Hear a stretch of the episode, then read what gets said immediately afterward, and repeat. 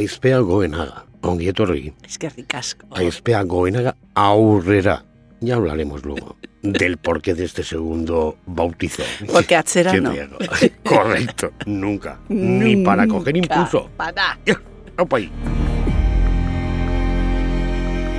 Aispea, tú eres consciente de que eres una, una referencia en el mundo de las artes escénicas, fundamentalmente también en euskera. No, no, no mires así. No, no, no. Sabes que lo eres. No. ¿Cuántos años dedicados o bien de actriz, o bien de directora de cine, o haciendo teatro, o escribiendo teatro, o no sé, qué más? ¿Cuántos? 50. Cumplo En fin, algunos- bodas de oro. Empezaste en la incubadora y por eso No, 50 no, no, años de profesión. Empecé con 14 años ya con, con, con una intención, porque luego puedes hacer teatro en la escuela, no sé qué, pero ya era como con intención. Cuando empiezas a hacer con- de una manera un poco mm, seria, ¿sabes? Como con ganas de preocupándote, queriendo hacer algo importante, ¿no? Y empecé con 14 años. Y entiendo que eso también tendrá algo que ver con la saga Goenaga. Es decir, es que entre hermanos, hermanas y de padres, de Sí. a ver, Yo es que tengo... que hay mucho artista. depende de dónde nazcas, te marca muchísimo, muchísimo. Y fíjate que estoy escribiendo una obra de teatro sobre eso precisamente, ¿no? ¿Cómo puede cambiar que tú nazcas en un portal o en otro, ¿no? En una familia o en otra, en que, en que te acojan, en que siempre los, los hijos son bienvenidos, que hay amor y sobre todo que hay una conciencia social, cultural y una conciencia a favor del euskera, ¿no? Y de la creación y que no es nadie un marciano si se quiere dedicar a la pintura, ni es un marciano si se quiere dedicar a, a la música, o bueno, pues sí, puede ser un marciano, pero es bienvenido y, Y en tiene nuestra hueco. época, porque somos más o menos coetáneos. No, yo soy mayor que tú. Bueno, Perdona, me he no ganado, tengo aparentas en unos absoluto. cuantos años. Ay, decir, encima siendo chica, Sí, sí, sí. porque aquella época era bastante distinta sí. Ujú. a la No, de ahora, ¿no? Hemos saltado algunas vallas y Mm. hemos tropezado y nos hemos levantado y hemos seguido.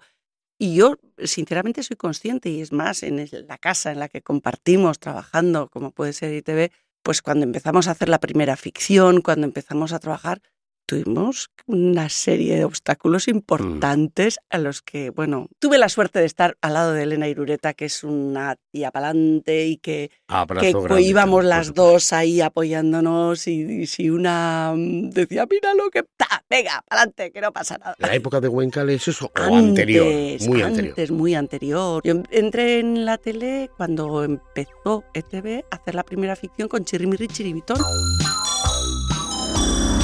Ellos empezaron a hacer ficción haciendo payasos para niños. Entonces había sketches, había personajes como yo hacía de Amona con no sé cuántos años, con nada, eh, de Amona Marchelón. Don, don, don, don, don, don, don, don, kikilicón. Empecé, claro, te- es que me sale la sonrisa porque me acuerdo, Jesús. Pero eso ya es prehistoria de la, de la televisión. Entonces empezamos así y poco a poco, bueno, empezamos sketches y, eh, y estábamos ya trabajando en Ancerti, estudiando. Yo había estado en Madrid estudiando, había vuelto. Entonces empezamos a hacer eh, cosas que, bueno, que nos gustaban, que, que apetecía y encima era tele y era... Nos propusieron hacer un programa de televisión que fue Audao y llamamos a Quique, a, a Quique, a, a llamamos a Loli, a un montón de gente con, el que, con la que trabajamos y fui- empezamos a hacer una ficción de aquella época. Rosarito, zer dezu ba? Eh, ez errez, ina, seguruaren alen bailenin behar dugu, eh? Tiroiaren batean. Zer, nolatan hemen? Ba, hemen, Santo Domingo izan geata. Amakin izan altzea. Baina ezagutzen altzeate. Ez tezkia ba ezautuko amazuke, ba, imagina bat aldiz joan zea arantxa gurumendi teatroan ikusteran. Teatrora? Y además en euskera, y en quiero decir, que y en cuidado. euskera, y éramos dos mujeres las que dirigíamos el programa, las que escribíamos los guiones y las que hacíamos de todo. Y, y tengo unos recuerdos de verdad maravillosos. Tengo la suerte de que se me olvidan los malos, pero mm, sí me acuerdo de las dificultades que tuvimos que pasar. Pero es verdad que, que tuve la suerte de nacer en esa familia en la que tenía referentes como Tu mi abuela, ama ¿no? también. la ma, La ma. sí, Tienes una sobrina también que una está... sobrina maravillosa. Tengo sobrinas, lo que pasa que Bárbara, pues bueno, que ha seguido este, este camino y lo hace, es un ángel. Y un ángel, que te voy a decir que es que es, que es mi niña. Ala, pues. Y luego que- mi hija también, que, que trabaja ¿También? en este. Sí, sí, sí, sí. Mi hija también. Y es para mí es un Una lujo, satisfacción. una satisfacción. Sí, yo te presentaba como Aizpea Goenaga Aurrera y ahora sí, ahora vamos a la Aurrera que nuestros oyentes, nuestra audiencia saben de sobra, que no es que sea tu segundo apellido, pero sí es algo muy importante junto a la familia en tu vida. Sí, sí, sí. sí. A mí toda esa atmósfera en torno a un, un bar familiar donde la colmena se queda corta, allí se movía Uf. todo el mundo en una época muy, Sí. muy dura. Muy dura, muy dura. Claro, empieza también desde, el- desde la mona, ¿no? La mona se quedó viuda muy joven y se quedó al cargo de, de sus hijos, de, de la gente que trabajaba con ella en la posguerra, fíjate qué, qué época más dura. Eh, había una serie de mujeres que trabajaban con ella, que eran familia, que tenían hijos, y se creó una red. Yo esa red lo he escuchado toda la vida, ¿no? Toda la vida la mona nos transmitía esa sensación de, de que salieron adelante, ¿no? A pesar de los pesares, en, en épocas durísimas y en la guerra, ¿no? Decía la mona, a mí, a la iglesia, que era mi abuela, era la única católica de casa, era de misa diaria y le acompañaba el, el presidente del, del Partido Comunista de Guipúzcoa. Le, recogía Casi en casa nada. y le llevaba para protegerla, ¿no? Lo hemos mamado en casa, todos, todos. Nuestra casa tenía cuerda, era un piso, ¿eh? Y entraba todo el mundo. Habría eh, broncas políticas, había colores diferentes, había gente que opinaba distinto, se discutía, volaban ceniceros, daba igual, em, pero allí todo el mundo quería estar. Y eso aparte del, del- del bar, ¿no? Pues que, que- que en una época eh, eh, políticamente muy comprometida, muy difícil, vivíamos con mucho miedo todo aquello. En esos momentos mi madre era una mujer de un paso para adelante y venga, ¿y qué hay que hacer para publicar libros? Pues todos los de Jarray, ¿no? El de Jarray, el grupo de teatro que ensayaba en nuestra casa. Iñaki Biovide, Ramón Saizar Vitoria, eh, Arancha eh, Gurmendi, toda esta gente que pertenecían al grupo Jarray de teatro, ensayaban en la bodega de nuestra casa, del, restaurante, ¿no? Porque tenía varios pisos y entonces ensayaban ahí. Euskal Tzaindia hacía las reuniones. La Real Sociedad hacía las comidas en nuestra casa. Entonces, una vez me acuerdo que mi hijo, cuando era pequeño, eh, viendo la tele, no sé si era mi hijo o mi hija, viendo la tele, a él le parecía que todos sus tíos, y, o sea, su abuela, su prima, Elena, Anne, no sé qué, toda la gente que conocía a Pimbis eran sus tíos para él, ¿no? Todo el mundo salía en la tele y me dice, oh, he ido a casa de no sé quién y no sale su familia en la tele. Es que claro, lo das por hecho.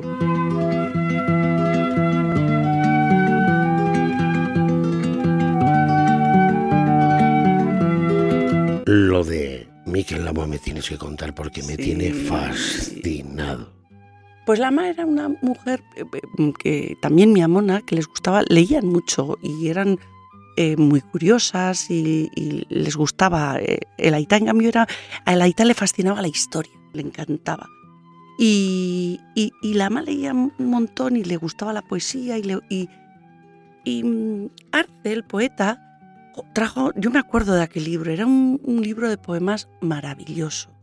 Entonces mm, la ma dijo, "Jo, esto, qué pena que no se divulgue más estas poesías, que queden en un ámbito más, mm, Sí, bueno, que no llegan a, no- llegan a, a- a poca gente. Dijo, "Jo, esto hay que divulgar, no sé qué. Dijo, "Jo, las servilletas, ¿sabes? De los bares, Sí, sí, sí. que Oh, dices que coges y ¿Cuántos guiones he hecho yo ahí? Sí, y entonces en esas servilletas de, de bar que todo el mundo los tenemos en la mano, pues decidió poner un poema, un poema de arte. Puso dos, uno el, el Choriak Chori y otro que también de arte que luego le puso música a Benito Lerchundi, a esa otra canción. Pero bueno, Miquel Aboa vino al, al que solía venir muy a menudo, y vino, su mujer le dice, ahí va, mira este, este poema, qué bonito.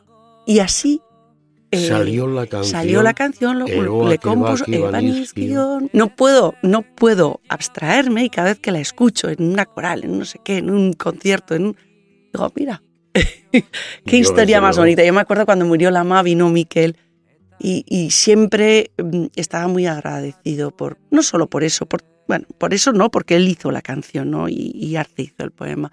Mi madre fue una, no, estaba ahí, Y la haciendo cultura. mucho a favor Sí, cuando no era fácil sí, no era fácil, no. hacer no, aquello. No, Ay, que se me pone la piel. esta, Pero también te voy a decir otra cosa que es que a mí yo aprendí mucho que, que es la- el apoyo social, ¿no? Esa, esa cosa de, de, de ayudar a gente, eso lo he vivido en casa y eso me parece muy importante, muy importante. El ver la gente que abrir las puertas, el ayudar a la gente, eso a mí me parece que lo hacían tan bien. La solidaridad, el humanismo en definitiva. El humanismo, sí, sí, sí. Y el que, bueno, que, que donde comen dos, comen cuatro y, y eso me parece muy, muy importante, mucho.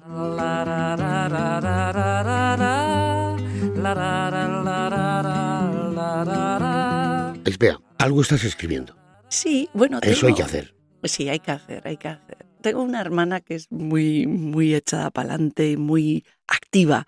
Y ella está recogiendo muchas cosas, muchos, mu- muchas historias, ¿no? Que se van perdiendo, bueno, a lo largo de los años. Entonces ella está recogiendo y siempre digo, bueno, voy a hacer. Y sí que tengo historias que, en las que estoy trabajando y siempre metes cosas. Pero hay un proyecto que quiero, que quiero, quiero hacer. Quiero hacer en honor a, a- a los antepasados que, que lucharon tanto, ¿no? ¿Sería cine o sería teatro? Yo tengo ganas de hacer cine. Eh, es verdad que tengo muchísimas ganas de hacer cine. Pero es verdad que también no tengo fuerzas para empezar a, a- a- a mover todo lo que es la producción, empezar. Y entonces, mientras escribo teatro, me surge una idea, empiezo a escribir el guion. Bueno, pues estoy en todo. Pero es verdad que no tengo fuerzas para, para estar buscando la producción, el no sé qué. Y entonces tengo ganas de, de hacer cortos. Tengo la suerte de que tenemos la familia, tenemos de todo. Tenemos eh, director de fotografía, eh, que, Adrián, tenemos Actrices. actrices, tenemos a Bárbara, a Aya, eh, tenemos eh, guionistas, tenemos mm, técnicos, tenemos producción, todo. Y luego todos los amigos que, que- que se apuntan a un bombardeo. Tienen que ser legión. Sí, es que hemos hecho mucho, hemos currado mucho, entonces tenemos Bastante. mucha historia. Y yo más, que soy mayor que tú. Y eh, sobre todo, bastante como mayor. tú bien mencionabas, en aquella época en la que el trabajar juntos, el, el grupo, la colaboración, el hoy tú, mañana yo, Pa'lante, pa'lante, no pa'lante. ahorrera. Aurrera, aurrera, aurrera. En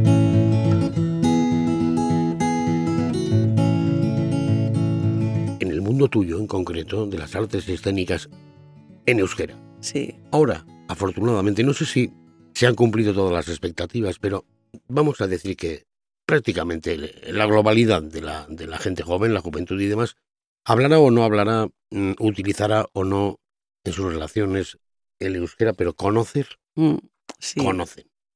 Sí, sí, sí. Por la ley del euskera, por la educación. Yo soy más crítica en cuanto a, a- Porque si no eres crítico y no analizas, no avanzas. Ese conformismo, ese... "Ah, todo bien, no me parece sano. Y hay gente que todas las críticas las recibe como con malestar, pero para mí no. Para mí hacer una buena crítica es avanzar.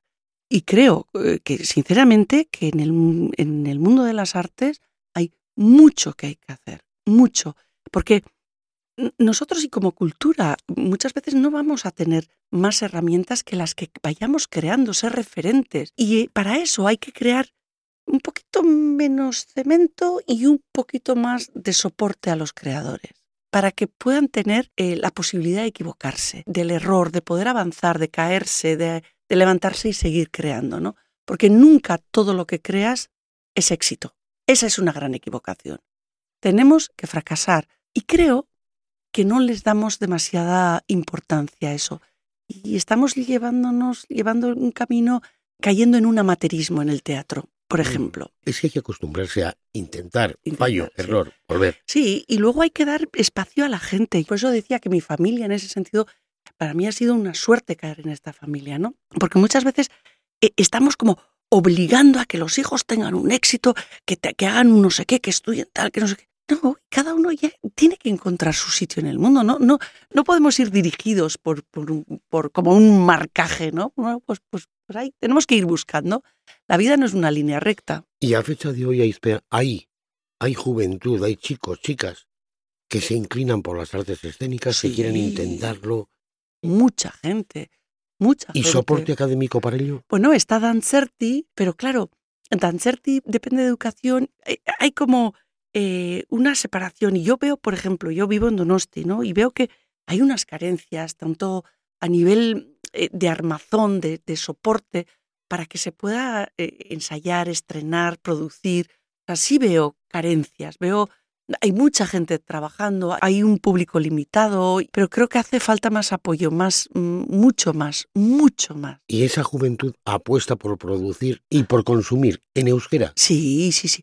Hay gente que está haciendo cosas muy interesantes, muy interesantes en teatro y bueno, hay que decir en, en el audiovisual. En, yo veo cortos y, y- y cosas de largometrajes que está haciendo la gente muy interesantes. Me imagino que todo va complementando y que todo lo que sea complementar, pues supone un impulsito, ¿no? Pero, por ejemplo, las instituciones en Vizcaya acaban de poner en marcha unas iniciativas de producción audiovisual y demás. Apoyos, sí. eh, sí, apoyos con subvenciones. sí, Vamos, que se está convirtiendo en un escenario o en un... Pero- pero Es verdad que era algo que clamaba al cielo porque es una manera de atraer en las producciones. No nos damos cuenta que muchas veces es- es- buscamos el resultado. Y te voy a explicar enseguida, en un anuncio, ¿no? Cuando se hace un anuncio. Pues un anuncio ha bebido de creadores, de artistas que han hecho imágenes en las que se ha inspirado luego el guionista. O sea, ¿sabes? Que el proceso no es el, el de la agencia de, de- de- de publicidad el que hace el anuncio. El que hace el anuncio bebe de otras fuentes.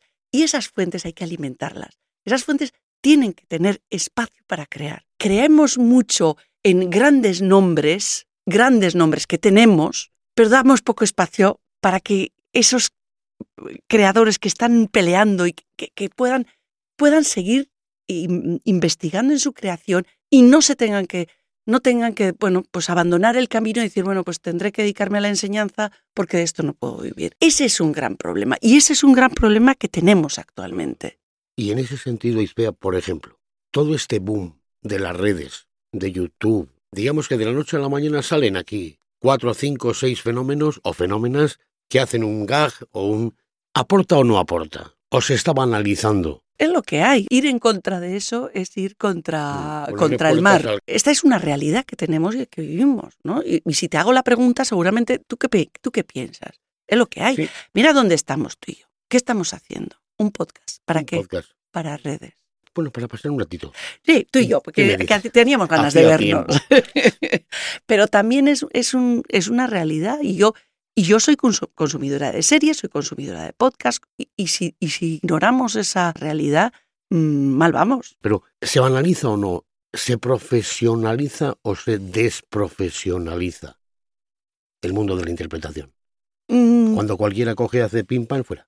Bueno, Consumo de dos minutos, se acabó. bueno, pero pues hay un Oscar Terol, por ejemplo, que hace, eh, que hace vídeos muy graciosos. Elemento. También las redes se sirven de grandes actores. Oscar tiene en, en Instagram tiene cosas Sí. muy graciosas. Otro que, que rompe moldes, ¿no? Iker Galarza. Joder. Otro madre. que dices, tengo un sueño y lo empeleo a muerte. Pues sí, señor. Al circo. al circo. y Venga. venga, gure circo. Pero eso es, es admirable, es admirable. O, mi sobrina mismo durante la pandemia hizo una serie muy divertida, ¿no? Y era una manera de seguir haciendo. Es verdad que, después de la pandemia eso se ha estancado. Ahora están los influencers y los actores se dedican más a interpretar. Pero sí existen, sí existen. Pero yo creo que también es una manera de mantenerse en activo porque nuestro oficio es muy complicado, muy complicado. Y para mí chapó a todos los, todos los que se dedican a este oficio y que duran y las pasan catnutas y siguen, ¿no? Y cuando alguien tiene éxito es una alegría compartida. Es, da muchísima ilusión, muchísima.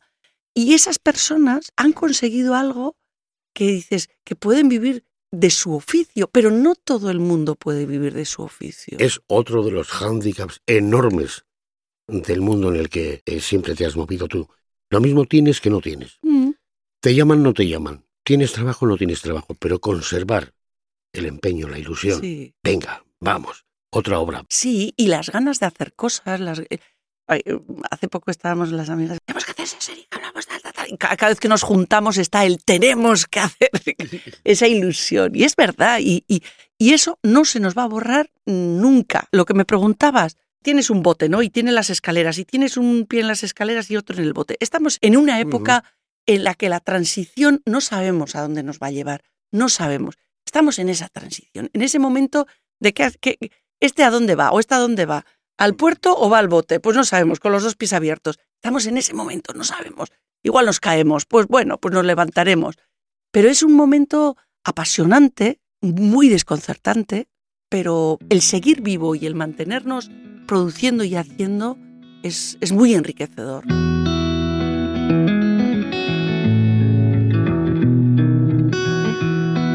Ahí una es la cuestión profesional directamente referida a lo que son las tablas, la dirección, la actuación y demás. Pero hay otra faceta en tu vida, Instituto Echepare, Sí, la gestión. la que montó el tinglao. Sí, sí, sí, sí. Es una etapa apasionante también. Cuando me, me propusieron, yo dije que no, que ni hablar, que yo no, no, no. Bueno, siempre has estado haciendo cosas, organizando, eh, has estado con una mirada amplia, ¿no? Pero era una responsabilidad muy grande y además, pues era una responsabilidad de, de representación de la cultura de este país y sobre todo intentar que la cultura de este país tuviese canales, ¿no? Más canales de los que existían, porque hay artistas internacionales que han abierto muchas puertas, pero era aprovechar ese, ese y sobre punch, todo ¿no? iniciar. Sí, iniciar. Me llamaron precisamente para poner en marcha y, y fue una tarea, no te voy a mentir, y fue mi hermana que estaba, estaba enferma y falleció justo cuando, antes de nombrarme, y ella, ella fue la que me dijo, si te han llamado es por algo, o sea que haz. y, Ahorrera. y, y ahorrera, ahorrera, y entonces dije, pues vale, pues, pues asumo la responsabilidad. Y fue una responsabilidad, te digo, hubo momentos muy duros y unos momentos preciosos. Y creo que conseguimos y, avanzamos muchísimo. Y estoy realmente orgullosa de lo, que, de lo que hicimos. Y creo que hay una frase que se dice en teatro que es, hemos hecho lo mejor que hemos podido dadas las circunstancias. Entonces creo que esa frase la tenía grabada. Tuve un equipo, bueno, pues estaba Marijose Olaciregui, que es una crack con la que sigo manteniendo a pesar, fíjate que, que, que, que, duro podía haber sido y que podía haber sido, y sigo manteniendo una estrecha amistad. Y está Irene Larraza ahora llevando el timón del instituto que entró cuando estábamos nosotras, que era la responsable de comunicación. Y entonces ella ya conocía el instituto y entonces era una persona muy idónea para seguir. Bueno, yo creo que hicimos muchísimo. Eh, cuando empecé estaba yo sola, no había ni nadie, ni trabajadores. Ahora ya es una un instituto con, con Milfo, con su gente, con su equipo, y siguen ahí trabajando. El otro día acabo de hablar con Irene y le comentaba, Jolín, el otro día te vi en la tele que habéis presentado una plataforma para los, las traducciones de los textos literarios vascos. Sí, sí, pues qué bien, y, apoyando, porque solo yo sé lo difícil que es estar al mando de ese instituto. El mundo es muy grande y es muy difícil, eh, muy difícil, porque es acudir a ferias, intentar hacer ventanas en festivales, es conseguir oportunidades, es alianzas y conseguimos muchísimas cosas, muchísimas cosas como estar en Unir en Europa, tener representación, conseguimos estar en un montón de festivales, firmar convenios muy importantes, alianzas con Cataluña, con Madrid y sobre todo ayudar a artistas que estaban en esa necesidad de salir de nuestras fronteras. ¿no? Fue un trabajo muy difícil con muy poco dinero y es curioso porque yo no soy política. A mí me, nombraron cuando Pachi López era Lendakari y seguí eh, cuando Urcullu estaba Lendakari. ¿no? Y entonces para mí es como un, una realidad de este país ¿no? y creo que es importante que a pesar de la política, el, la cultura y el euskera es de este país. Mm. Y es de este país. Entonces a mí me parecía muy importante que una persona que no fuese política estuviese al mando de esta, de esta institución, ¿no? que es una institución que es de este país. Qué duro y qué bonito. Es. Qué bonito. El Pero papel yo de la estoy, pionera, sí, de la persona sí, pionera que sí. lo hace porque es su trabajo, pero porque se lo cree. Yo, Y hay Vamos. que darlo todo. no, no, yo me, me dejé eh, la piel y saben Mm. mis compañeros que así fue. O sea, me dejé la vida porque realmente yo, so- yo sé el trabajo que es supone el crear, supone el crear una- un espectáculo, crear un concierto que gira. Y solo sé lo que cuesta Y mover ponerlo eso. en marcha, contra viento y marea. Pero sobre todo, te voy a decir más, Julio, yo soy una consumidora y me gusta mucho lo que hace la gente y creo mucho en, en los creadores que tenemos. Y eso es, es el mayor pasaporte al mundo. Cuando tú tienes gente que es buena y que están haciendo cosas increíbles, que están rompiendo, o sea, cosas increíbles. Y creo mucho, mucho. No es difícil. eh, lo difícil cu- no empecemos. es una cuestión de fe. De de fe. No, y, y es verdad que, que, fíjate, ahora mismo con Valenciaga, y qué trabajo tan exquisito, ¿no? Y que esté en boca de todo el mundo, pues dices, es una plataforma, pero, pero ellos que han tenido un camino muy difícil, muy difícil, y que ahora todos nos vanagloriamos de que, guau, guau, guau, qué bien está la serie, pero porque se lo han currado. Verte esos ojos. Ese brillo, la ilusión que le pones a todo lo que estás haciendo y a lo que has hecho ni te cuento ya. Es increíble. Si le veo a Meryl Streep, eh, le voy a decir, le voy a decir, oye, ¿te pareces a Izpea Oenaga? Y te Ya me "Ah, coges, es ¿no? Y, acabaré diciéndole como hacía Terol, por comentarlo. Ni me va ni me viene, pero por comentarle. A Julia, un es un auténtico placer placer, de verdad. estar contigo, es encontrarme con un amigo y ha sido realmente Eres una Eres una un- grande, mi Meryl Streep, Euskal Meryl Streep, Jesús. Y Muy tú, mi sondiva. niño, mucho. Estoy aquí, presentado por Julio Ibarra, dirigido por Eva Mateo, producido por Miren Esparza, editado por Ibai Elorza, una producción de New Digital Media Euskadi para EITV Podcast.